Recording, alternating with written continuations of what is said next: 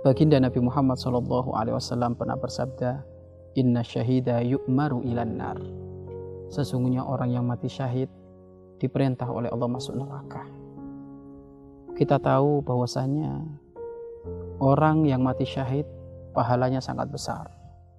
Begitu mulia di hadapan Allah Subhanahu wa taala. Dan itu dimimpikan dirindukan oleh siapa pun untuk mati dalam keadaan mati syahid. Bagaimana tidak mulia mati syahid? Dia membela agama Allah. Rela berkorban untuk Allah. Harta rela hilang untuk Allah. Bahkan keluarga pun rela hilang untuk Allah. Nyawa pun rela hilang untuk Allah subhanahu wa ta'ala. Begitu dahsyat makom yang namanya syahid. Mati syahid, meninggal dalam keadaan syahid. Akan tapi ternyata baginda Nabi Muhammad SAW menyebutkan inna syahida yukmaru ilan nar Sesungguhnya orang yang mati syahid diperintah oleh Allah untuk masuk neraka. Kenapa dia kok diperintah oleh Allah masuk neraka?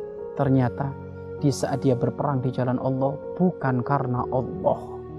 Di saat dia melakukan itu semuanya bukan karena Allah, yaitu dia riak, pamer, alias tidak ikhlas.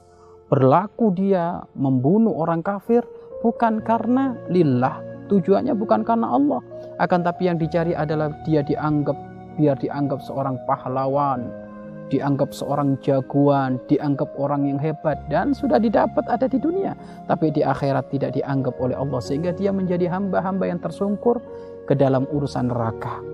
Ternyata begitu mengerikan urusan penyakit riak, begitu mengerikan jika amal ibadah itu bukan karena Allah Subhanahu wa taala menjadikan sebab Allah murka, menjadikan sebab Allah rah.